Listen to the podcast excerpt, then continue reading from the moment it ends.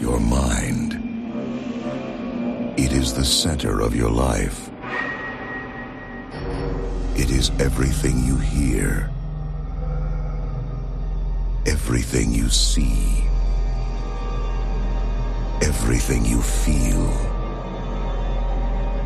It is everything you are. How would you know someone stole your mind? Du lyssnar på det 131 avsnittet av Vacancy. Jag heter Erik Nyström. Och jag heter Magnus Johansson.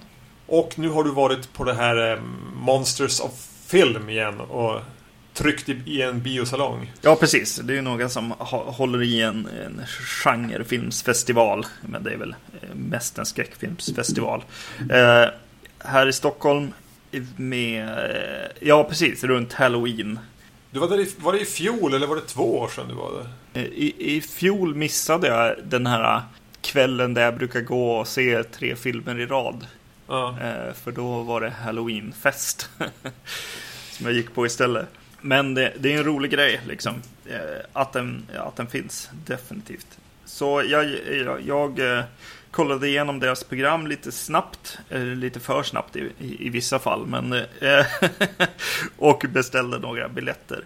Så jag har varit och sett fem stycken filmer. Mm.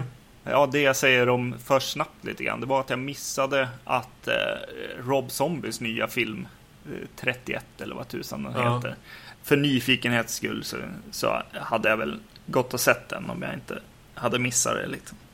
Det hade jag också gjort, även om jag inte är det största Rob Zombie-fanet vad gäller film, eller egentligen precis. musik heller för den delen. Nej. Ja, skitsamma. Gå vidare. Eh, Precis, eh, det var väl den jag missade. Eh, Men först så gick jag och såg en film som heter Last Girl Standing.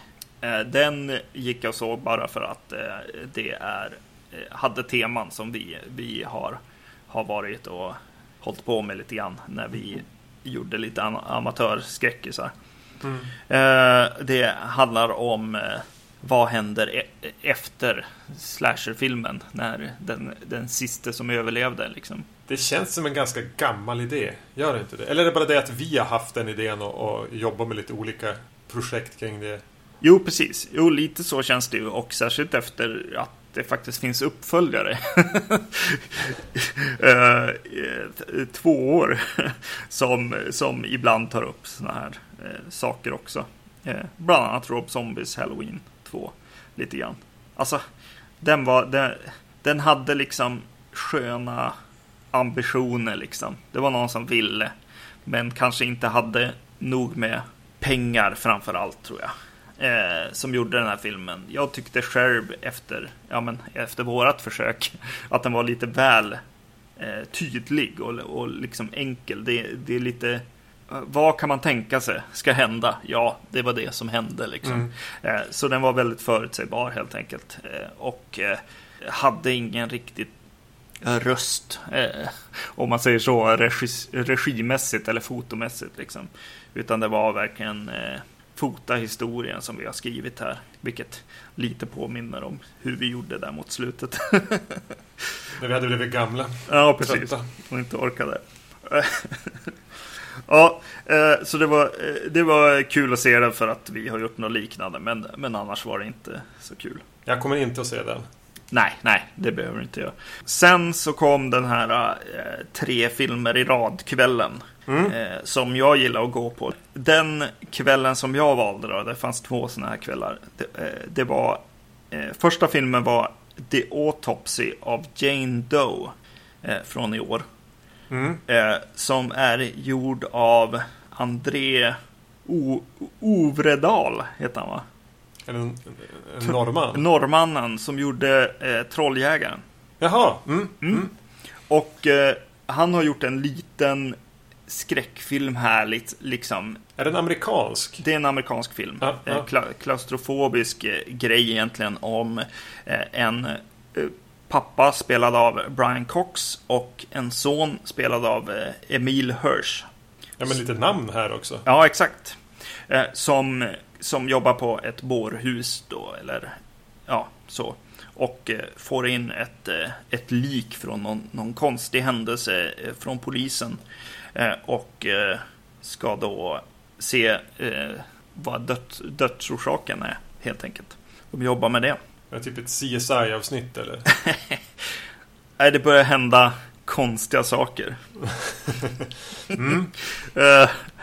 Det lät som en ganska kul premiss.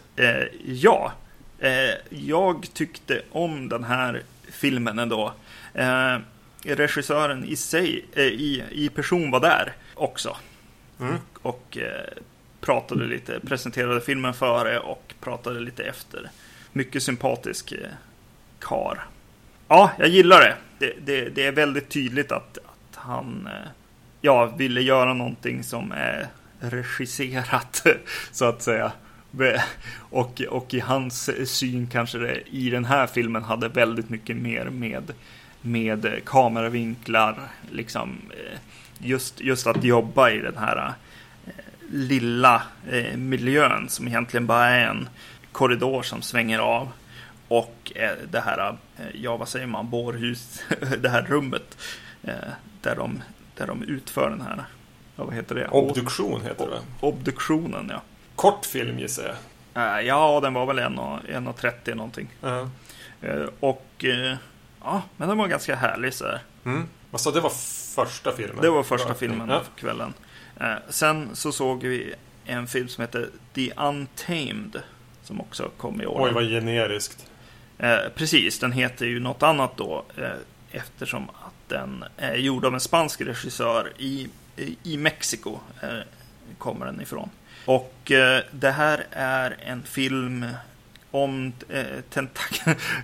det, det öppnar med tentakelsex. Eh, Ja. och, och eh, fortsätter så lite grann. Eh, Det handlar om en, en kvinna som liksom har väl kanske varit hos det här konstiga tentakelmonstret några gånger för mycket och börjar måste ta dit andra människor. För det hon faktiskt gör är att hon är med i någon slags experiment. Det är två, två eh, ett äldre par som eh, bor ute på landsbygden eh, som, som har det här monstret och de, de undersöker det eller, eller njutning eller jag vet inte. De kanske bara är ett äldre par som gillar sånt här. Men Mer artsy, eller? Eh, ja, precis. Eh, nu gick jag in på, på skräckdelen. Eh, mest så är det ett eh, triangeldrama med, med en, en eh, lite så här halv hotfull kar som, som är lite för macho liksom. Eh, som eh, eh, visar sig liksom ha lite problem med sin sexualitet också och eh, har sex med sin frus eh, bror. Och det handlar lite grann om deras relation och eh, hemska saker som händer i den. Och, eh, och det här eh, tentakelmonstret då som har, som har egentligen rymt från eh, The Possession. Då. Mm. Jo, jag har svårt att inte tänka på det när du berättar. Jag skulle just fråga om Sam Neill var med och spelade den här hotfulla mannen. Eh, exakt, det är ju en vä- väldig hyllning till den, eh, till den filmen. Eh, alltså om man, om man hade sett monstret lite tydligare, eller monstret, tentakelsaken här lite tydligare i Possession så, så är det samma, känner jag. Det låter lite krystat. Det, ja alltså, den var okej liksom. Båda de här eh, första filmerna var ganska okej. Jag, jag tyckte nog om första mer kanske, även om The Untamed är liksom mer intressant liksom eh, berättartekniskt. Alltså den, den, just den här, ja men balansen mellan eh, något som är lite så här skräckfilm, nudda vid skräckfilm och det här eh, dramat då. Så den är ju som intressantare som film egentligen. Eh, Mm. även, även om den andra kanske är mer som skräckfilmsgillare så kommer man tycka om den, tror jag då.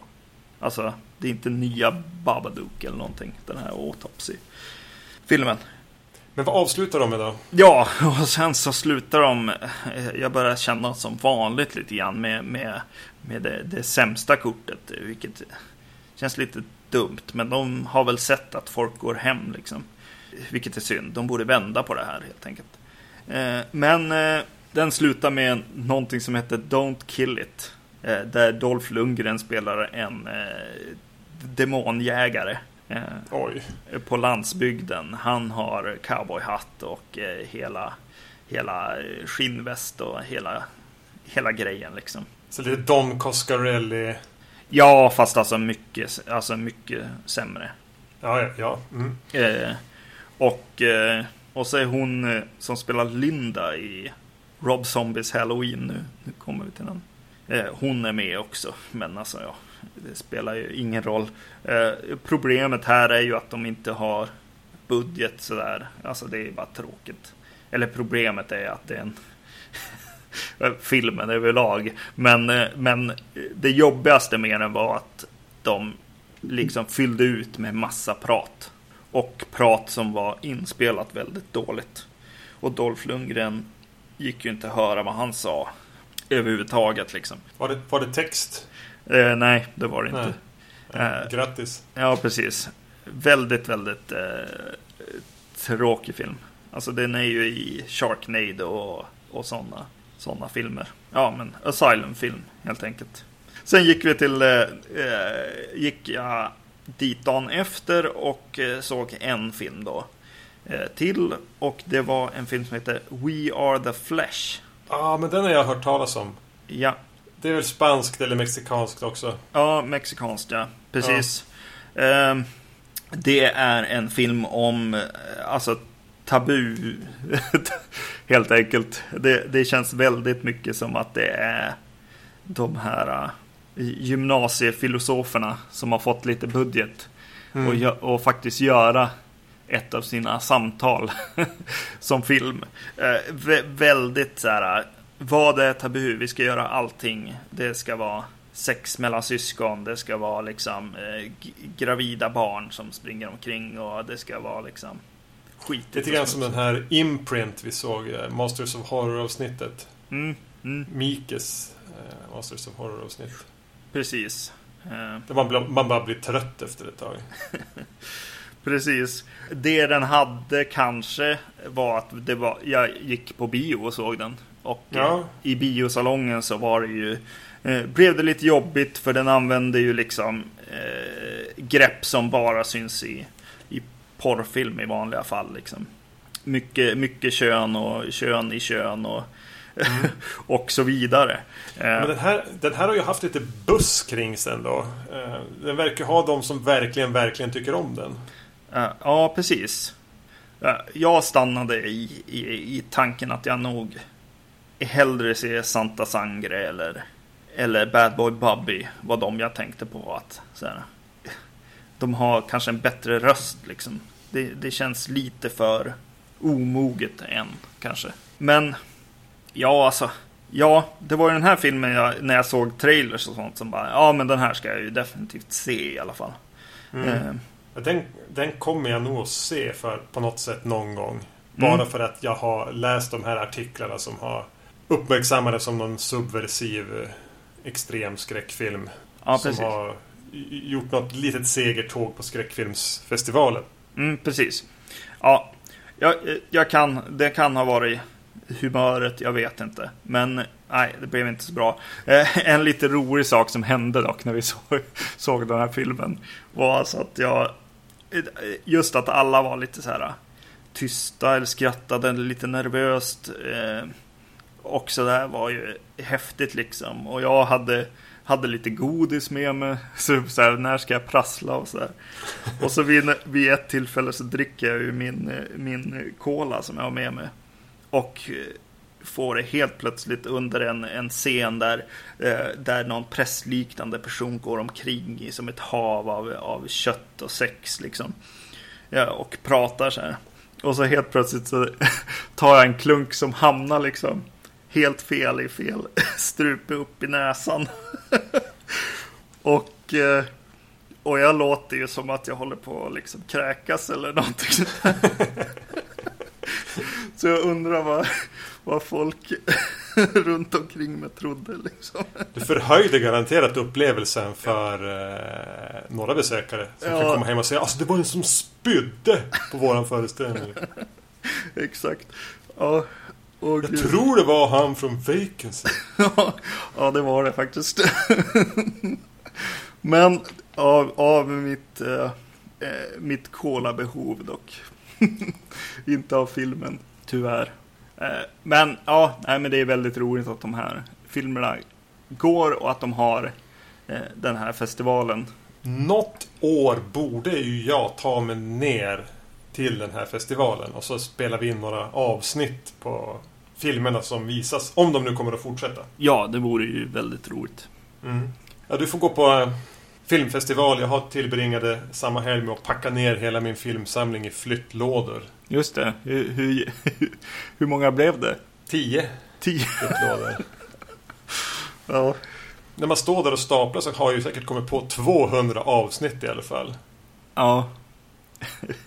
ja, precis. Ja, jag skulle sätta in någonting i, i hyllan igår och bara oj, de här och det där och det där och det där. Eh, nästa år kommer vara väldigt svårt. Ja. Men nu så ska vi ju inte prata skräck egentligen. Nej, inte direkt. Eh, nej, precis. Inte direkt, nej. Eh, utan vi är, är på vårt eh, sista Arnold Schwarzenegger eh, avsnitt för i år och börjar komma mot slutet av 80-talet. Eh, Mm. där vi då har sett The Running Man från 1987 och Total Recall från 1990. Mm. Mm. Det här är definitivt två Arnold-filmer som hör till de här Arnold-filmerna för mig. Ja, exakt. Två av de mest tydliga Arnold-filmerna skulle jag säga. Ja, jo, definitivt. Eh, Men The Running Man då från 1987 eh, Baserad på en Stephen King-novell Precis. eh, Som han skrev under pseudonym. Vilka, vad, vad är det? Richard Buckman eller? Ja, precis. Mm. Han gjorde, skrev några under det namnet som skulle vara lite mer åt science fiction eh, dystopihållet. Någon maratonmarschen vet jag han skrev under det aliaset och någon mer var- vägbygge tror jag. Ja. Eh, hur som helst så är ju det här eh, filmversionen av berättelsen om en som sagt dystopisk framtid där eh, brottslingar kan få chansen att springa ett slags gatlopp och, och, som tv-sänds på bästa sändningstid och eh, klarar man det så får man sin frihet. Arnold spelar en eh, helikopterpilot som vägrar utföra sitt uppdrag som vill gå ut på att meja ner hungrande civila. Eh, skickas till ett fångläger, därifrån han rymmer och tillfångatas igen och eh, får då möjligheten att eh, vara med i det här tv-programmet The Running Man. Mm. Om det här känns bekant så är det väl för att det är ganska likt Hunger Games. Ja, jo. Eh, hade inte tänkt på det trots att jag, eller jag har bara sett första Hunger Games-filmen men jag har ju hört talas om dem. Mm. Hade aldrig tänkt på The Running Man när jag hörde talas, alltså såg den eller hörde talas om dem. Men nu var det verkligen väldigt uppenbart att eh, det är ju bara en vidareutveckling och to, eh, tonårsifiering av samma koncept egentligen. Ja, precis. Eh, med Hunger Games så tänker man väldigt, väldigt mycket på eh, Battle Royale i första hand jo, kanske. jo. Mm. Eh, men, men rent liksom, ja, nästan estetiskt. Eh, men också just den här dystopin som, som framförs här är väldigt lik den i, i, i Hunger Games. Ja. I novellen så eh, tror jag att den utspelas på hela, hela jorden egentligen. Man får verkligen... Alltså de flyr väl runt i hela USA och använder båtar och grejer.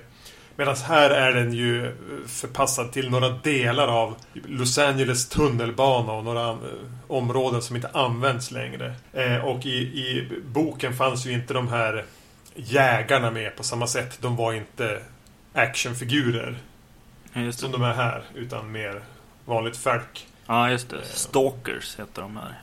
Mm. Eh, precis. Eh, den här är eh, också regisserad av Starsky från Starsky and Hutch. Mm. Paul Michael Glazer. Precis. Jag har aldrig tänkt på regissör när det kommer till den här filmen. Eh, Nej, till skillnad från Total Recall då. Ja, jo men verkligen. Mm. Den här är så här lite tv-cineastisk på 80-talsmanér, eller vad man ska säga. Alltså den, den, är inte, den har inte någon genomarbetad look. Eh, den känns inte som en stor film. Men den är ändå inte en lågbudgetfilm för den. Den hamnar i något slags... Eh, men, eh, det är på något sätt samma visuella look som Kommando har. Eh, fast i väldigt, väldigt olika settings. När, när du säger look så tänker jag också på, eh, på och stalkersna här och så. Eh, så tänker man ju väldigt snabbt på vad heter det, American Gladiator också. Ja, Tv-programmet. Eller Gladiatorerna. Eh, undrar när det dök upp. Om det är efter det här eller? Äh, 87? Jo, kanske. Ja, i Sverige kommer det då efter det. Men American, ja. Nej, jag vet inte. Men det är ju liksom en, en, en precursor till det här som kommer sen. mm. oh. Men världen är väl en lätt dystopisk framtid med väldigt mycket 80-tals LA där de har på något eh, lite billigare så här, matte paintings fått skyskraporna att se lite annorlunda ut. Ja, precis. Eh, det är verkligen en, en billig Blade Runner ja. eh, som vi får här. Eh, jag tänkte på också på, vad hette den? Romero-filmen Land of the Dead, ja. ja. Där de var, var i den här typen av budget range. Lite grann och försökte göra stor, stora saker med det. Ja. Och, och, och, mycket det här med rika och fattiga och i slum och rika uppe i skyskraporna på något vis. Ja, en film som väldigt snabbt dyker upp i huvudet också är ju uh, Escape, Escape from LA. Mm. Uh, I mitt huvud. Det är mycket, mycket alltså, visuellt som påminner om, om den här filmen i den. Uh, till exempel, ja, ja de, de står och så här tar betting liksom på gatorna där. Mm. Och då började jag tänka väldigt mycket på han eh, Steve Buscemi's karaktär i... Escape from LA? Ja, precis. Ja. ja, Tänkte du på att allting som sker är ute på gator eller i barer? Alltså som inte har med, med Arnold att göra. Alltså när vi ska få se människor i den här så är det antingen de som är inne i tv-studion. Eller så står de och tittar på tv-apparater in genom så här skyltfönster eller hänger i murriga gränder och, och, har så vadslagning. Eller sitter på barer och, och dricker och tittar på TV. Mm. Man tänker att, att om nu tv-serien The Running Man var en, det som alla tittade på så får vi fortfarande inte se någon... Det är som att det inte existerar familjer. Ingen sitter hemma och ser det i tv-soffan.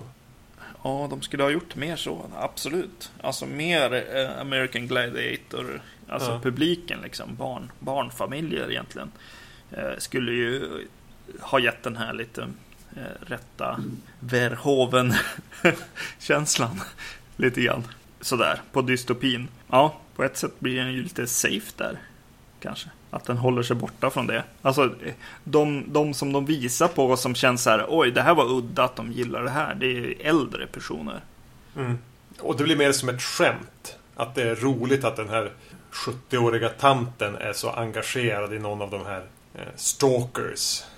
Ja, exakt. Mm. det, blir lite, det blir lite grann som i, vad heter den, The Wedding Singer, när den här gamla tanten ska äh, rappa. Eller panter-tanter-grejen. Ja. ja, precis. Alltså, de ger ju honom en jäkligt intressant, eller så här väldigt hjältemodig eh, bakgrundshistoria här i början tycker jag. alltså den här helikopterfärden känns ju, ja, det är verkligen All American Hero Arnold Schwarzenegger som är, ja. som är med där liksom.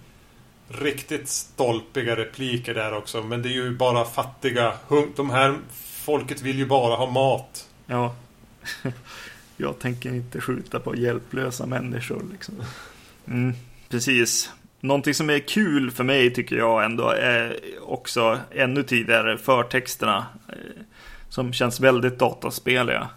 Eh, vilket funkar mm, ganska mm. bra för den här uh, filmen på något sätt. Alltså den har samma karaktär av den här uh, Freddy Krueger uh, skapar någon slags tv-spels värld i någon dröm där.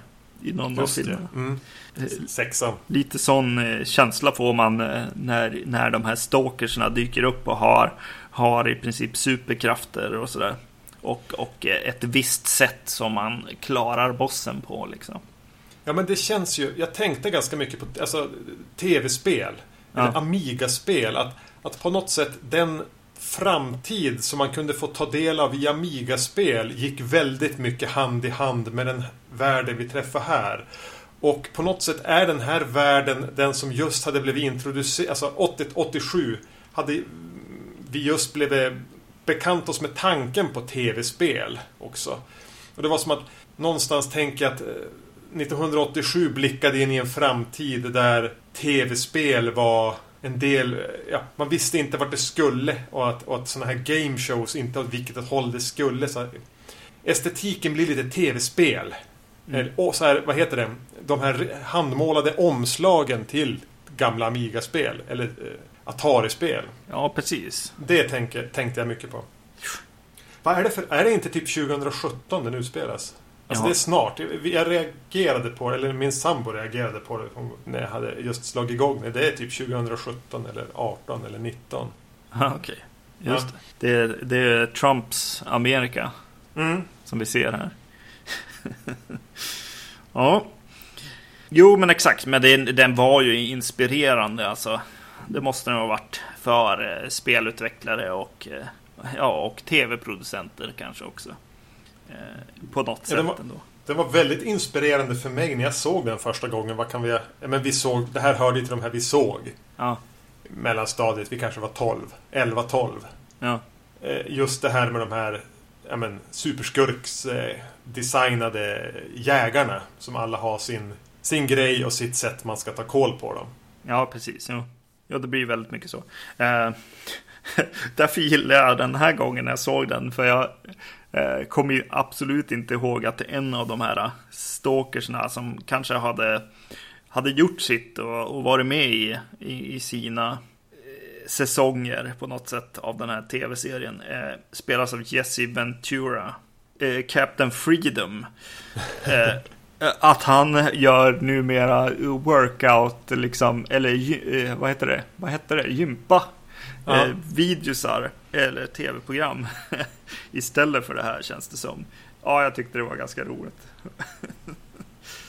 Kändes eh, lite humoristiskt på något sätt. Det, det är alltid roligt med de här två, liksom, eh, vad heter det, guvernörerna. Ja. När de dyker upp tillsammans här på 80-talet. Visst kommer Predator samma år? Ja, just Är det. inte den från 87 också? Jo, det är den kanske. Ja. Mm. Alltså, ja, men det är som sagt var det två, två muskel, muskelsnubbar. Jag tror, alltså om man ska se hur de blev som politiker sen att Jesse Ventura är mer av en good guy än vad Arnold var när han var guvernör.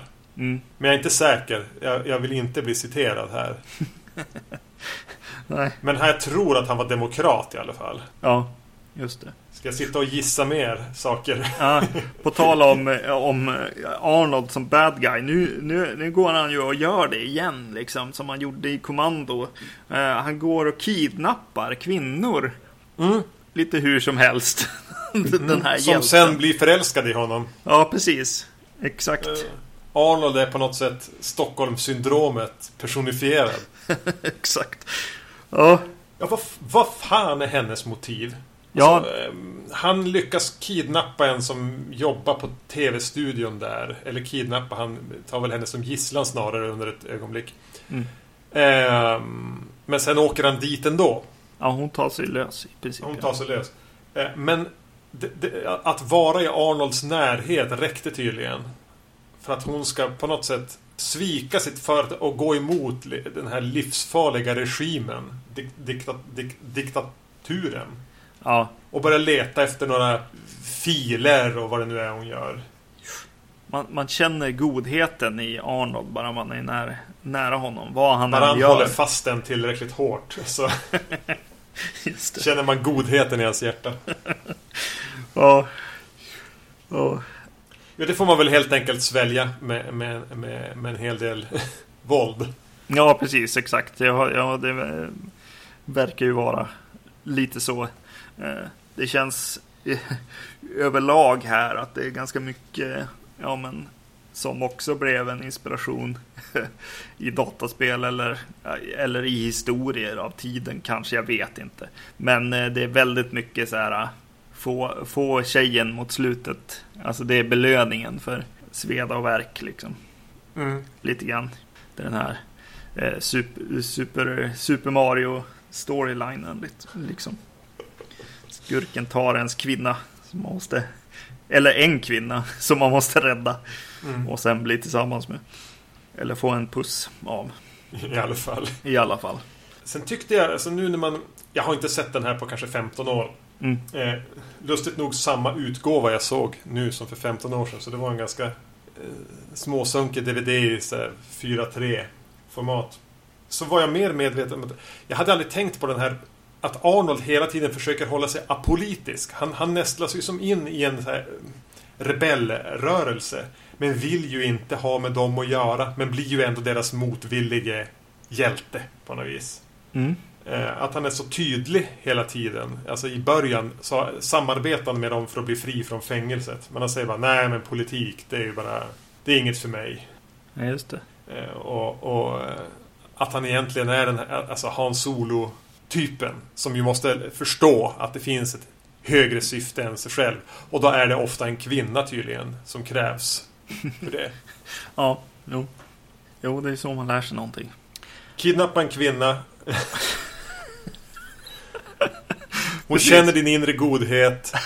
Du vill på, få pussa henne, så därför spöar du hela regimen. Ja. Men det är rätt härlig cast här. Ehm, Mm. Återigen, alltså lite serietidningscastare. Men det, Arnold har vi redan nämnt. Hans bästa kompis spelas av Jaffet Kotto. Ja.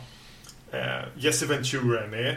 Det är någon annan wrestlare, han som spelar den här elektriska killen. Han är tydligen också någon, eller han är gammal brottare och operasångare. Ja. Alan van Lint. Fantastisk. Eh, jätterolig. Han, han är någon operasjungande jägare. Ja. Som även skjuter blixtar med sin elrustning. Just det. Han gillade jag bäst den här gången. Mm.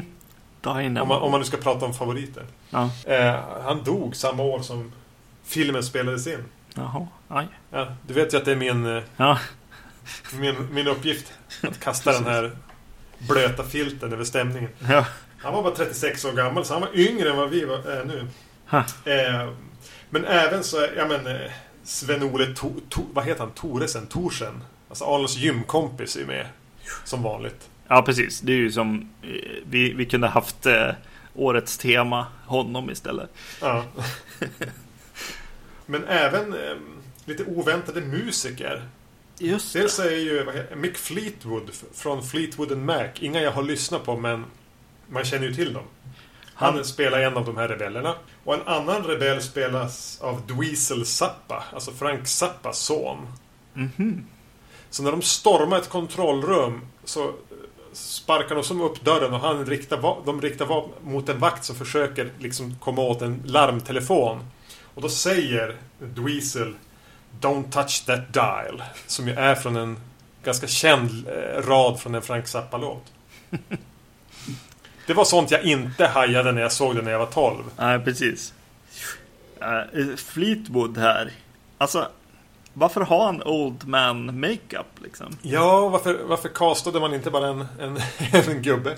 Jag funderar på om, om de tänker att det ska vara kul att det är han. Ja. det är någon gammal hippie liksom. Att han spelar sig själv liksom på något sätt. Lite grann så här. Ser lite ut som John Carpenter. Mm, mm. Eh, skurken eh, har ju ett fantastiskt namn också i ka- karaktären. Han heter Damon Killian. Ja. Väldigt nära Demon Killian. Kill. Ja, det är roligt. Ja, ja. Han tycker jag är skitbra. Richard Dawson, som ju var programledare. Ja, alltså det här är i princip som om man hade haft Magnus Härenstam i den rollen eller någonting. Mm. Eller Gunde. Eh, Han är mycket bra här, ja. Eh, Roligt med, med eh, kontakter med publiken och sånt där. Han kan ju det där, definitivt. Vet du vad jag inte gillade med den här filmen? Rökmaskinen. Nej, den är ju bara fantastisk. Ja. Eh, Precis som Running Man-skylten som de har, som dyker upp lite då och då i bilder. Eh, Med någon logga fantastiskt eh, häftigt, så här, lite sportig liksom. Eh, skylt. Eh, gillar den väldigt bra. Mycket. Men eh, eh, i det soundtracket. Det är ett sånt. Jag tänkte inte på det. Nej. Eh, det är ett... Eh, alltså, det är så här halvsynt så här, men det är alldeles för mycket elgitarr onani i soundtracket. Alltså, ja, det är soundtracket som gör att, att det blir väldigt daterat liksom. Om, om det hade varit den här, vad heter reffen, musik eller John Carpenter-aktig mm. grej liksom. Det här som är så jäkla poppis nu liksom. Mer återhållsamma, dova. Ja. ja, om det hade gått genom hela, hela filmen och inte liksom, ja, att den inte hade gått upp i det här elgitarr solo-grejerna liksom. Då hade den ju varit så här mycket schysstare liksom throwback future för mig. Mm. Det, det, det, är synd, alltså det är det som, ja precis. Jag, jag, jag, tänker på att så här, ja, Escape from New York, det är nog väldigt mycket att, att eh, musiken ändå är, ja, i, den är ju inte tidslös, absolut inte, men den, den liksom, den sätter den här charmen i, mm. i retro future grejen som, som det, det, blir av de här filmerna när de väl blir lite äldre liksom. Ja, The Running Man har ju inte någon jättekultstatus. Alltså som Arnold-film, ja. Men inte som en kultfilm i samma klass som eh, Escape from New York. Nej, precis. Exakt. Och för på något sätt tycker jag att de är fullt jämförbara med varandra. Alltså, eh, det har väl kanske mycket att göra med att jag inte är det här stora Escape from New York-fanet som så många är. Nej. Att jag, jag kan nästan hålla dem jämbördiga. Ja, alltså jag skulle hålla med dig om... Ja, det irriterar mig så mycket, den här musiken liksom. Eh, det finns någon scen där när han i Alien dör. Så spelas det någon, sy ja. någon synt där som, som verkligen så här, åh, så här skulle det ha varit i resten av filmen också. Ja, nej, eh, den snubblar lite. Men, men samtidigt har den ju liksom riktigt bra grejer. Alltså jag gillar de här jumpsuitsen som de har på sig. Mm. Eh, jag gillar framförallt att de är Adidas. Alltså att de har märke liksom på sig. Väldigt hårt brandade. Ja.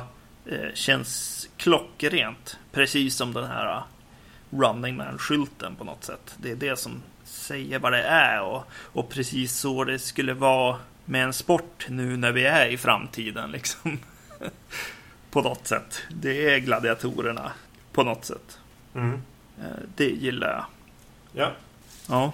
Håller ändå, alltså, jag tänker om man ska nu prata Arnold-filmer, kanske de vi har gjort nu.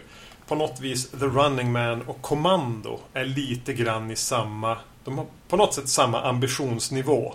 Det handlar mycket om att fram, framhäva Arnold som den actionhjälten. Mm. Men där jag blir lite uttråkad av det här eviga skjutandet och den extremt platta visuella regin i Kommando så föredrar jag ju hellre det här lite ja, men dystopiska gatloppet med förhöjda jägarkaraktärer i The Running Man.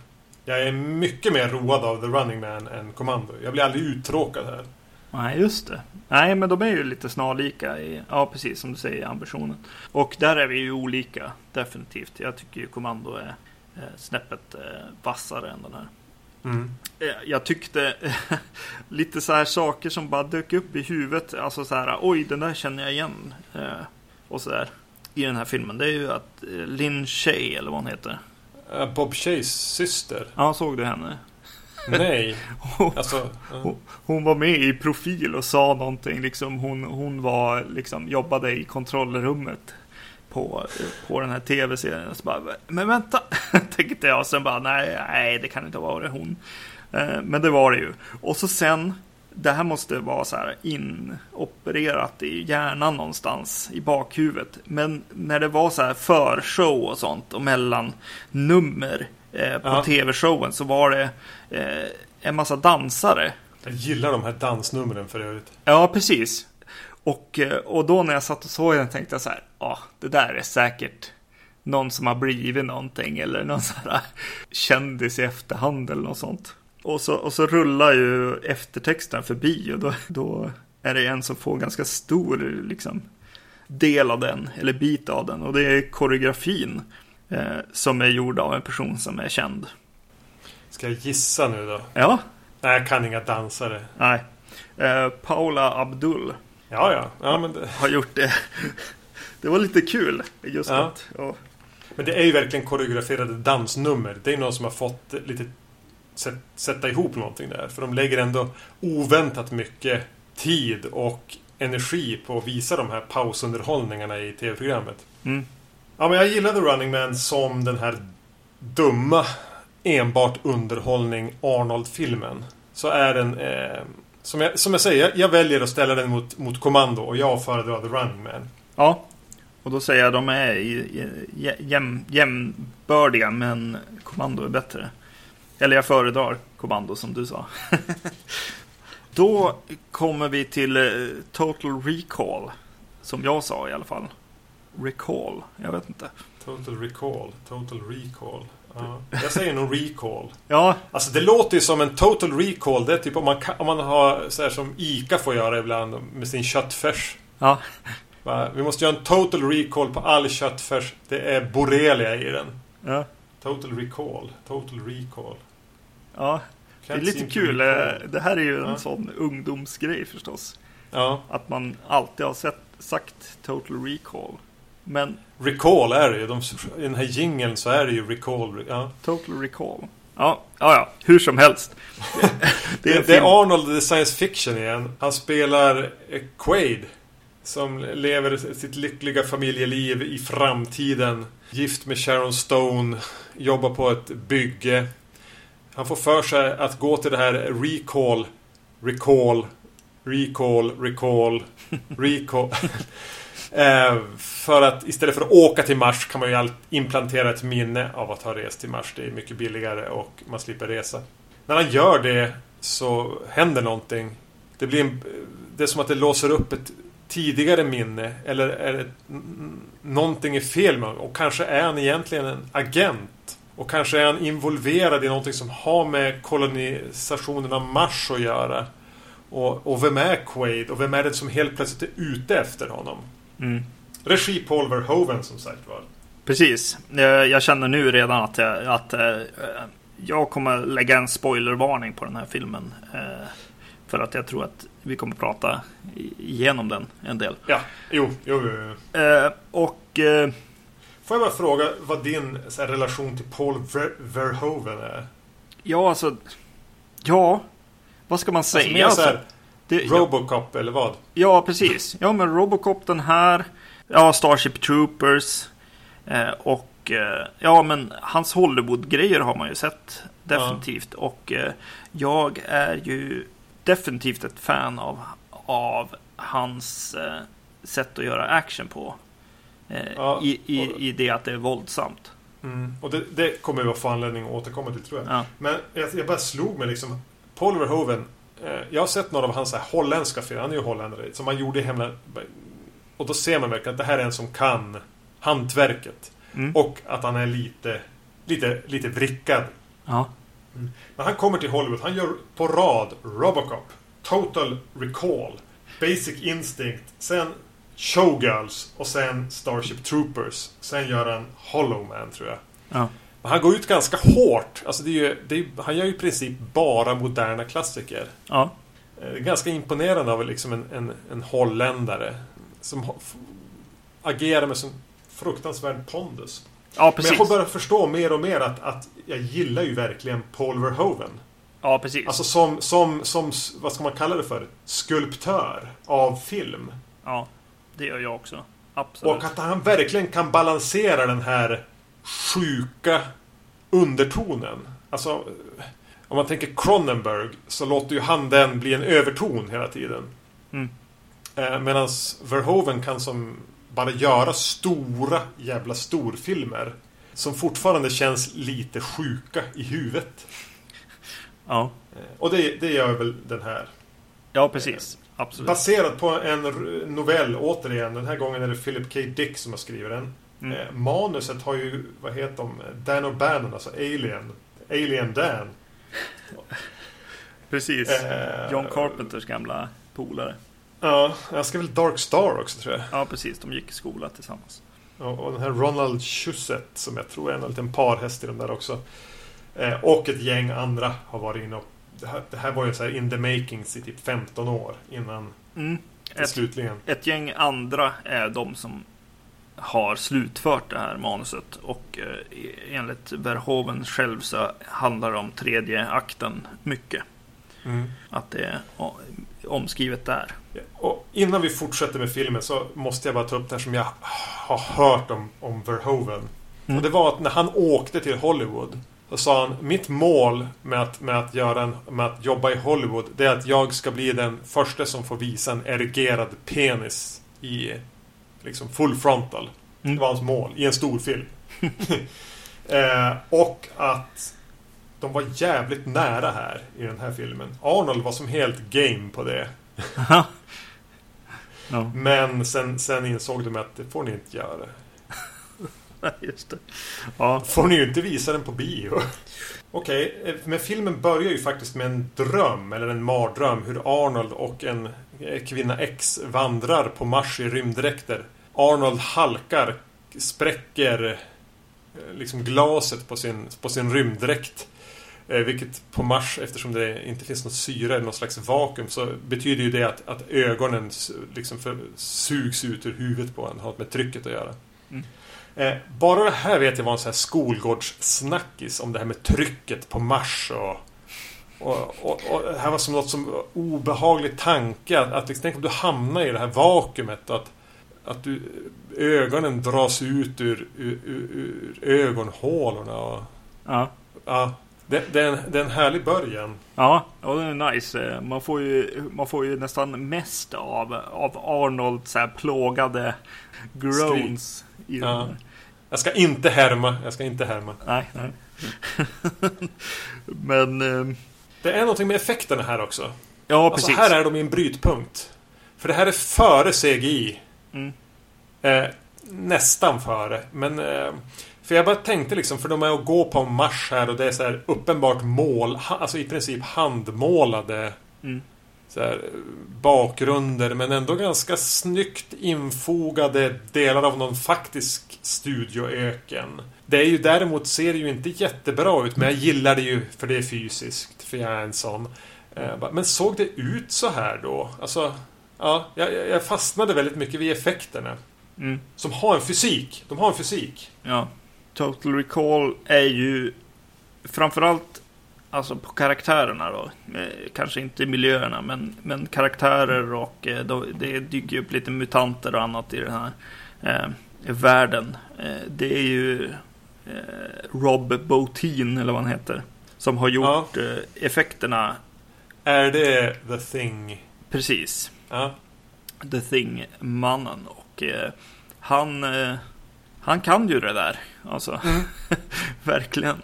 Eh, Ja, men det, är ju, det är ju lite latex eh, puppets taget så långt som det förmodligen gick att ta. ja, precis. Och, och hans eh, e- eviga knep att, att hälla så mycket liksom.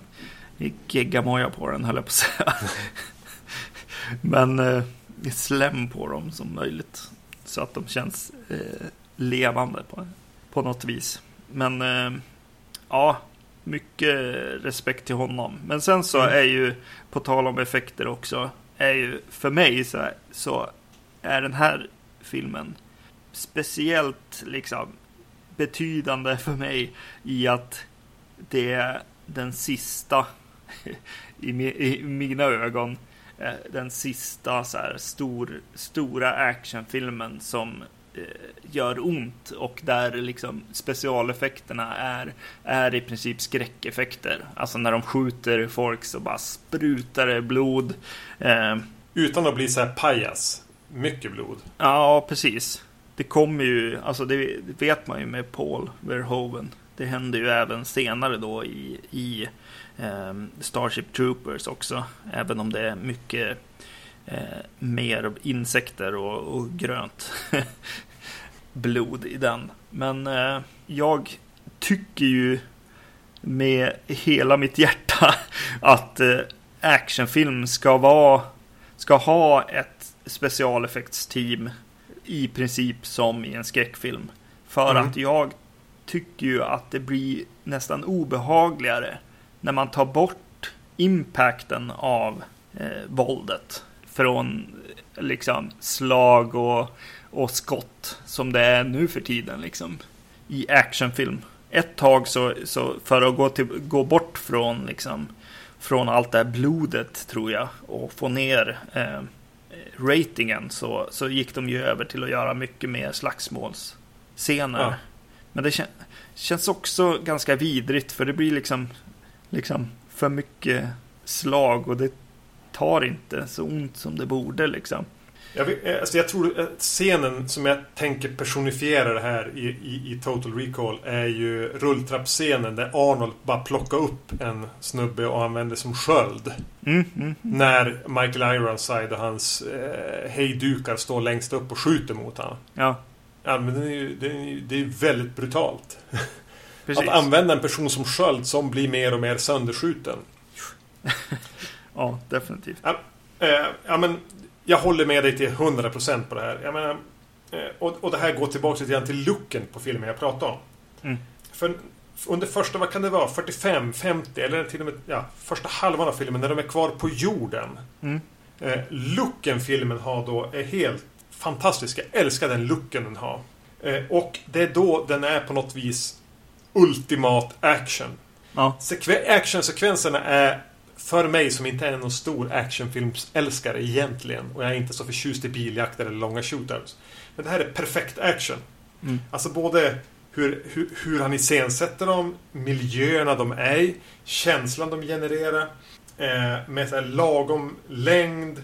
De är ganska abrupta, jävligt våldsamma, men ändå någonstans jordade i en slags verklighet. ja, Så på något sätt förknippar jag liksom Michael Ironside med perfekt action. För det är han som på något sätt alltid håller i vapnet som skjuter här. Eh, känns det som. Eh, Arnolds ansikte så förknippat med annat men, men, men det är de här fantastiska actionscenerna och så slutar det alltid med att Michael Ironside ser cool ut och typ byter magasin. mm, mm. Ja just den här looken. Det, det, det känns ju igen liksom. Det är kanske därför de blir som en tre filmer som hör ihop. Eller framförallt kanske två. Robocop och den här. Mm, mm, Eh, mm. För att eh, visuellt så ser den ju ut så. Miljöerna är ju likadana. Att det är mycket så här betong och, eh, och så i miljöerna. Eh, framförallt där på jorden då. Ja, Ja, alltså där lyckas ju den här filmen betydligt bättre än, än The Running Man på att kännas liksom framtid. Fast att det känns också som att de är i riktiga miljöer på något sätt. Ja, det är inte den här på ihop fantiserade dataspels eh, framtiden som är The Running Man. Som man hela tiden vet inte är på riktigt. Så känns ju det här jordat. Mm, precis. Undrar vart fan de är och spelar in de här. För dessa, de här väldigt, väldigt betongiga köpcentran och gränderna verkar ju... Alltså, det är ju inte ett studiobygge. Nej, det känns som det är riktiga platser. Ja. Där vill jag bo. Ja, ja. Eller i alla fall 1990. Ja, alltså Michael Ironsides alltså, entré i den här filmen. Han dyker upp på en, en sån här telefon, framtidstelefon, där man kan, faktiskt kan se ansiktet på den som ringer. Facetime. Helt magiskt. Alltså, de, har- de har en, en stil med de samtalen där, där alla som snurrar in i bild. Mm. Men, men han gör det först och han gör det absolut bäst eftersom att han har, har det här mörka håret och allting är så mörkt runt omkring honom. Så det blir verkligen som bara, bara ett ansikte som, som kommer in konstigt i, i bilden. Ja, jag, jag gillar verkligen den insvängningen han gör där. en detalj, men ändå. Ja, men han är fantastisk i den här filmen. Mm. Ehm, som den här second in command på något vis. Alltså lead thug till storskurken. Ja, alltså bara när han står och tittar på, alltså är det på Mars när, när de har landat där. Eh, och eh, han misstänker att den här kvinnan kanske ändå är Quaid. Ja. Och han står där och tittar på henne liksom. Fantastiskt alltså. Ja, men hur han... Alltså han ser ju både... Liksom, han är, han är ju snygg på ett väldigt oklassiskt sätt. Mm. Alltså mer karaktäristisk. Och, och är ju den här som ah, ser livsfarlig ut. Mm. Mm. Och så är det någonting med att jag skulle på något sätt vilja att han existerar i en tidskapsel där han alltid ser ut som han gör här 1990. Ja. Jag såg alltså någon trailer, jag vet inte fan vad det var för någonting, men bara från alltså en film från 2015 där Michael Ironside var med. Ja. Och då blir jag bara ledsen, för nu är ju han inte den här personen gjord av typ jättehårt ekträ och ondska. Nej. Han är ju en morfar nu. Ja. Och jag blir bara deppig av att se det. På ett helt annat sätt än vad jag blir av att se andra skådespelare åldras. Så han, han är ju typ perfekt 1990. Varför, gjorde inte, varför var han inte med i alla filmer då? Ja, ja. Jag tycker överlag, alltså det är väl en sak som han är ganska bra på också, Paul Verhoeven. Att, att skurkarna är ganska eh, roligt castade liksom. Den här, eh, han med glasögon, han som eh, sidekickens sidekick Ja. så att säga. Jättebra också. Är väldigt bra. Jag, jag, jag börjar tänka, är han dubbad? Tänkte jag på, men ja, jag vet inte. Det är han som rusar fram och tittar på dem med ett vapen ja. Och så bara, varför skjuter han inte? Och Ja. sen kommer jag på, ja ja, de är i en kupol på Mars. Bara den, alltså den lilla utväxlingen av blickar när han har ju både Arnold och den här kvinnan i, i, i liksom läge. Eh, Och, och man tänker ju väldigt mycket på den här kombo de har i Robocop när han Kurtwood Smith är Michael Ironsides karaktär. Ja. Och Ray Wise är ju den här killen med, med glasögon. Ja, ja. Då, alltså bara, du bara hör namnen man, man slänger, Så är det någon som vet hur man ska casta bad guys. Mm, definitivt. Ja, och eh, för, för mig är ju Michael Ironside V. Jag som såg det väldigt mycket när jag var alldeles för liten. Ja, precis. Eh, Ja. Eh, och i den så var han ju... De hette typ Chris och Ham. Ham, tror jag. Ah, jag kommer inte ihåg. Chris var den andra killen. Och Chris är med i, i den här också. Kort, Ja. kort, kort, kort, kort. Alltså, Chris heter han i V. Ja. Eh, han har typ en knubbigare kille med långt hår och skägg som bara stannar upp vid något ställe och säger någonting och så går de vidare. Så jag blev... Eh, ja, men när man har sett båda de två tänkte jag jag måste kanske se V igen. Ja, just det. Vi köpte på oss för att se i kapp så att säga. Jag, jag var ett av de här barnen som inte fick se V. Jag och min sambo såg första avsnittet här för typ två, tre år sedan av... Alltså... Ja. det går inte bra. ja alltså. men, nej, nej men alltså det är inte dåligt alls. Jag tycker det, det håller väl hyggligt fortfarande. Men det är så jättelånga avsnitt. Alltså Ja. det är en jävla miniserie. Vem orkar se en miniserie nu? Nej, precis. Även om Michael Ironside är med. Ja. I en jättebra roll även där. Mm. Men när de kommer till Mars i Total Recall. ja. eh, Det gör de aldrig i V. eh, Men då tycker jag att den här fantastiska looken blir lite tristare. För då är det mycket mera byggt. Ja, precis. Allting Eh, svajar ja, men- lite grann. så. Ja, Ja. ja, det är kul att det, det är ju De har ju byggt där. Det är ju, det är ju inte Attack of the Clones liksom. Eh, men men eh, fysiken finns inte där på samma sätt. Nej, precis. Så fram till det de åker till Mars så är det för mig bara, ja men det här är ju den perfekta actionfilmen. Mm. Men då kommer de till Mars och då är den inte det för mig längre. Då tappar den mig lite grann. Mm, okej. Mm. Jo, det är väl lite så. Jag hamnar liksom i ett lite annat spår tror jag än, än dig när jag såg den här, den här gången. Eh, Jag hamnar i det här spåret där man, som man kan komma i när man ser Total Recall. Och det är, vad är det som händer? Lite Ja, grann. ja. Mm. Är det, eh, eller du menar liksom, är det här verkligheten eller är det bara en dröm? ja, precis. Exakt. Eller, ja, typ dröm. Mm. Så du satt också så här och, och, och, och fnissade i handen när den här personen på recall i början spoilar hela filmen. Ja, exakt. det är ganska roligt liksom hur, hur tydligt allt det där är liksom. Ja.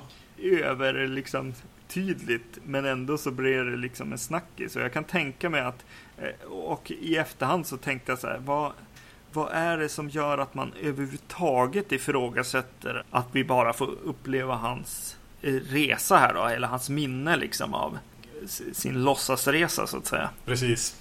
Det, det, det, det enda som jag börjar tänka så här kan skapa någon slags skepsis där, det är ju att filmen faktiskt börjar med att han drömmer om den här kvinnan. Mm. Vilket är då det, det, det spåret eller det som sås som någon slags ja men tänkte ni på det här? Lite grann kände jag. Men, men i övrigt så är det ju verkligen bara hans fantasiresa här som han vill, vill vara med om. Liksom, eh, som, det... som utspelar sig. Och då, då, då är det enda som jag börjar känna så här om man ska committa till det. Vilket de ju inte gör för att man vill skapa en film som har lite frågetecken i sig.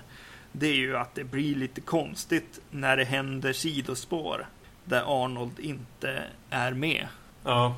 Det känns som den, den ljuger lite för oss, filmen där. Jo, eh, men jag köper det.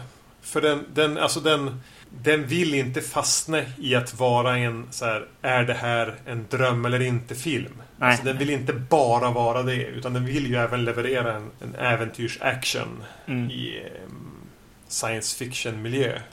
Fullt ut. Den vill inte behöva hålla tillbaka där, alltså på berättandet eller någonting. Nej, precis. Om man, om man, om man ser hans minnen som en berättelse som man kan ha med sig genom livet sen då kan det funka mer, kanske. Att så här, Åh, under tiden jag gjorde det här, vet du vad skurkarna gjorde då? Lite så. ja.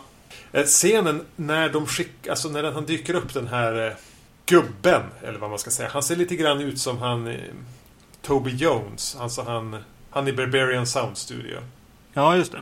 Han ser ut som en äldre variant av han. Ja, ja, ja. Mm. Han kommer ju in och säger och försöker övertyga Arnold om att det faktiskt är så att det här är ju bara en dröm. Ja. Och den scenen är ju, när jag ser den nu, mycket mer ambivalent än vad jag tidigare har upplevt den. För han kommer ju också in och beskriver precis, berättar precis vad som har hänt och precis vad som kommer att hända. Mm. Ännu en gång. Alltså det, det är verkligen som att Verhoeven bara skriker oss i ansiktet med att det här är bara en dröm. Mm. Men ändå så, så, tänker, så, så, upplever man det väldigt, väldigt ambivalent. Han säger till och med så här, The walls will come crashing down. Mm. Om du liksom inte backar ur den här drömmen nu. Mm. Och när han då skjuter han istället för att, för att backa ur. Det första som händer då är att en vägg bara sprängs och så rusar skurkarna in. Ja. Varför gick de bara inte in genom dörren? Ja, precis. Alltså varför var de tvungna att gå genom väggen? Ja, för att han sa det. Eh, precis, och den slutar ju bara rakt av också bara. Åh, tänk om du bara är en dröm. Ja, men njut så länge. njut så länge den varar då. Den varar då, ja precis. Mm. Och det är väl det man får göra. Det den även gjorde för mig nu var att, att eh, så att jag började fundera lite grann kring det. Dels på tanken på att jag skulle direkt göra det här med att bara köpa minnen av resor hellre än att åka på dem. Mm. Men, men det här med identitet då? Att den på något sätt gör ett så här ganska glättigt och lite med glimten i ögonen kul ifrågasättande av ens identitet om vi bara är summan av våra erfarenheter och minnen. Vad kan man då justera och manipulera? Om våra minnen är falska, vem är vi då? Eh, och kan jag då välja att vara någon annan? Eller kan jag bli någon annan om någon lyckas övertyga mig om att jag har de den här uppsättningen minnen? Mm. Sånt är lite roligt att, att flumma runt kring. Ja, precis. Jag sitter och tänker ibland som spelutvecklare nu på sådana här frågor för att eh, VR-boomen som pågår just nu eh, ja. som, som ju kommer av filmer tror jag, eller förhoppningen av vad den kan vara Eh, kommer ju från film. Ja, precis. Det kommer från Gräsklipparmannen. Eller The Matrix eller alltså sån holodeck. Eh, mm. Men det, det, det, är ju inte det. I verkligheten så är det ju Wii. alltså motion, control, motion gaming. Ja. Liksom. Som folk säger, det där funkade ju inte. Men nu när VR kommer så ska vi Eh, så är det ju något helt nytt liksom. Ja, nej, det är ju bara fortsättning på motion gaming lite grann. Men det jag vill komma till är att jag börjar tänka så här. Ja, men om, om vi nu ser på liksom The Matrix eller, eller liksom förhoppningen om det här. Att man får uppleva historier som sig själv. Tror jag är någon slags förhoppning i spel. Att, så här, att, att, att eh, man ska liksom vara någon annan fast en själv. Mm. det är väldigt intressant att tänka runt för att jag känner ju inte att berättelser någonsin är, handlar om dig just här, just då. Nej. Det, det tror jag aldrig har, riktigt har funnits genom hela våran liksom, ja men människans liksom livstid. Det kan nudda vid, vid saker som man själv har upplevt eller kanske känslor man själv kan identifiera som är väldigt starkt. Men, men, men man har ju alltid distansen. Har man inte det? Jo, exakt. Så eh, det, det, var lite av det som jag började tänka på här också. Framförallt i början när de säger Tänk om du var någon annan. Alltså vill mm. du åka på den här semestern fast som någon annan? Och det tyckte jag var väldigt intressant eh, frågeställning. och Arnold tyckte också att det var väldigt konstig tanke. men sen var det bara så här, ja men du kan va, ha ett annat yrke. Du kan utföra andras aktiviteter. Ja. Lite grann. Och det är inte att vara en annan person, liksom, tycker jag. Alltså för att vara den här svulstiga Arnold actionfilmen så blir det ju att man har de här lättsamma funderingarna kring den nu. Eller för mig blev det det. Mm. Eh, så, så, så liksom om man ska titta på de andra Arnold-filmerna vi har sett så märks det att det här är baserat på en, på, på en så lite pårökt sci-fi eh, författare. Mm. Eh, liksom är grunden till den. Eh, och att de fick rätt regissör till den då som visste exakt hur mycket av det här Matrix slash gräsklipparmannen flum vi kan, vi kan kasta in i det och fortfarande få det till en underhållande film. Mm, mm. Jag såg den här, eller jag, jag, jag slog igång den eh, medan min sambo duschade eller någonting. Som missade kanske första kvarten, kom ut för jag trodde att det här är ändå ingenting som hon vill se. Men hon fastnade ju eh, och såg hela filmen. Och mm. tyckte den var bra. Ja, men det är ju för att Total Recall är bra. Ja, men visst är det det? Ja. Hon tyckte den var, alltså, att den var lite för våldsam ibland. Mm. Men att det ändå var en bra film. Ja, det är det verkligen. Tycker jag. Och det först, som jag säger, första halvan är riktigt jävla bra. Mm. Mm. Eh, jag tycker den tappar under andra halvan. Men den har ju de här Tänk om Dude-tankarna som ändå är kul att hålla kvar genom hela filmen. Ja. Eh, den tappar ju i miljön men, men den vinner ju lite i Robotins liksom The Thing skapelser. Mutanterna här och grejer. Eh, en del av mutanterna är ju häftiga. Han, han med ett öga framme. Ja, eh, jo. Det är skitsnyggt tycker jag. Hans där, där han har i nacken och, och det och den här personen som visar sig ha en någon slags muterad alien-hand. Den armen är ju bara fantastisk. Mm. Fantastisk anima animatronics, säger man så? Ja, precis. Ser hur bra ut som helst. Genomförandet kanske inte är hundra, men idén att någon har en typ en muterad hyperintelligent bebis på magen mm. är ju rätt härligt sjuk. Ja, precis det som står ut där, det är ju alltså runt så här och bara, ja men okej, här, här är någon som har tre, tre bröst och sådär. Och så sen är det den här liksom film behandlar kortväxta människor ganska illa alltså. Ja. Kolla en dvärg. Vilket freak liksom. Mm, precis. måste vara en mutant Mutanter också. och dvärgar. Ja, precis. Det är ju, det är ju liksom inte riktigt okej okay, liksom. Men ja. Det är lite samma, samma klassanalys här som i Total Recall också. Men där de fattiga har fått de här dåliga eh, Mars Domes. Alltså mm. glaskupolerna som gör att de blir utsatta för en massa typ rymdstrålning. Det är därför de har börjat utveckla de här mutagenerna eller vad det då kallas för. Mm. Och har för lite luft och sådär ja. Mm. Eh, precis, och så, är det, och så har de de rika som sitter på restauranger och äter och har det trevligt också. Mm. Eh, ja, nej men den är ju bra alltså. Total Recall. Ja men visst är den det. Ja. Du har sett eh, remaken eller vad man då ska kalla det för. Eh, en till inspelning av den va? Med Colin Farrell.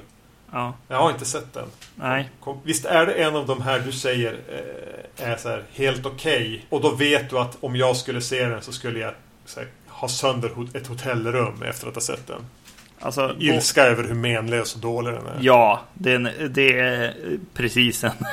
jo, det är ju en sån film. Äh, jag blir ju så här.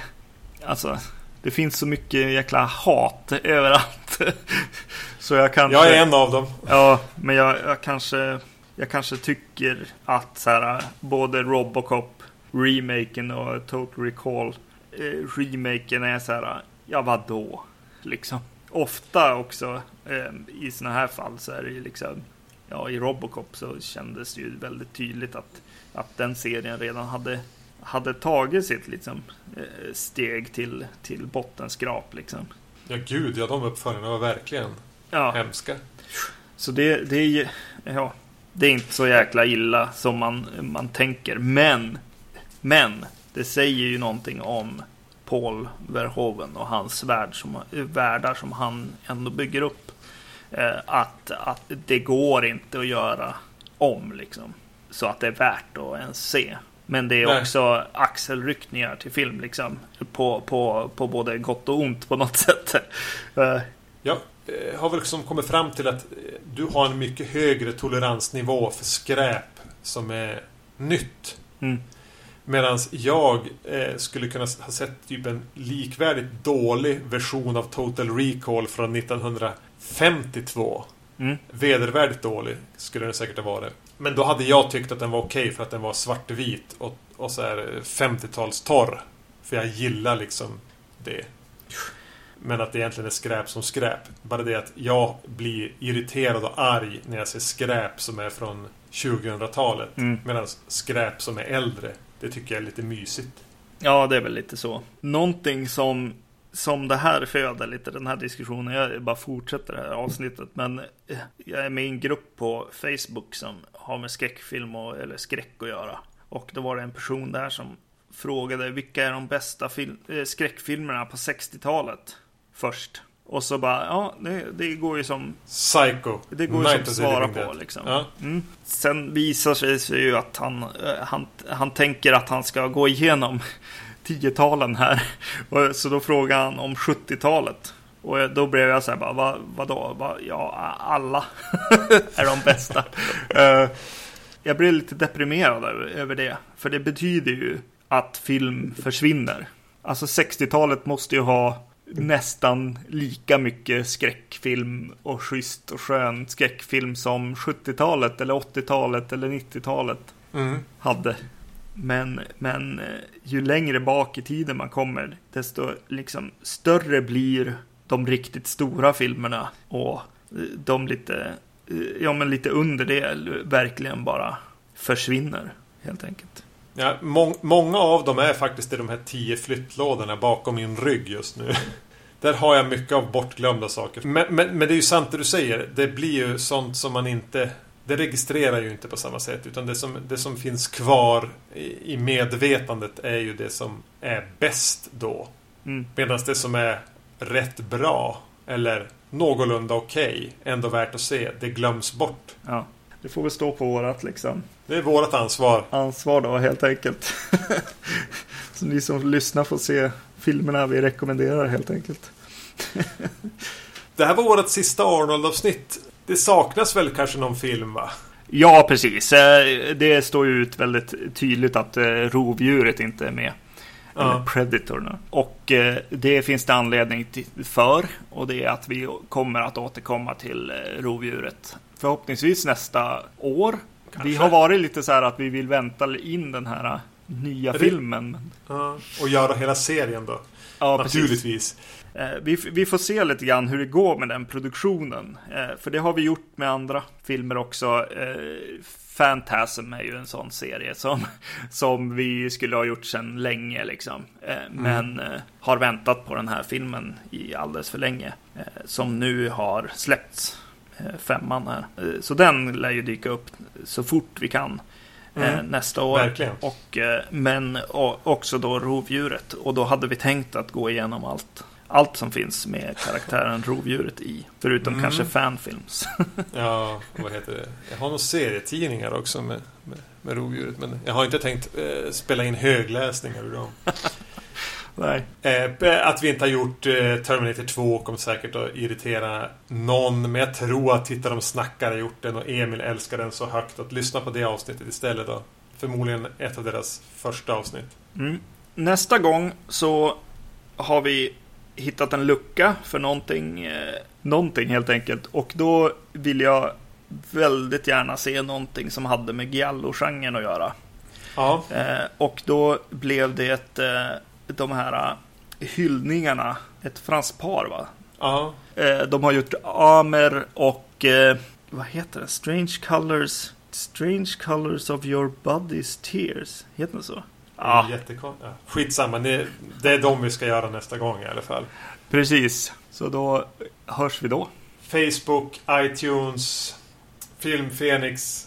Ja, iTunes. Eh, det är ju det här äpplet på hemsidan som, som eh, är en länk till, till iTunes om ni missar vart tusan man hittar oss på iTunes. Så Mm. gå till vacancy.se och så trycker ni på äpplet längst upp. Kommer ni dit. Hej! Hej!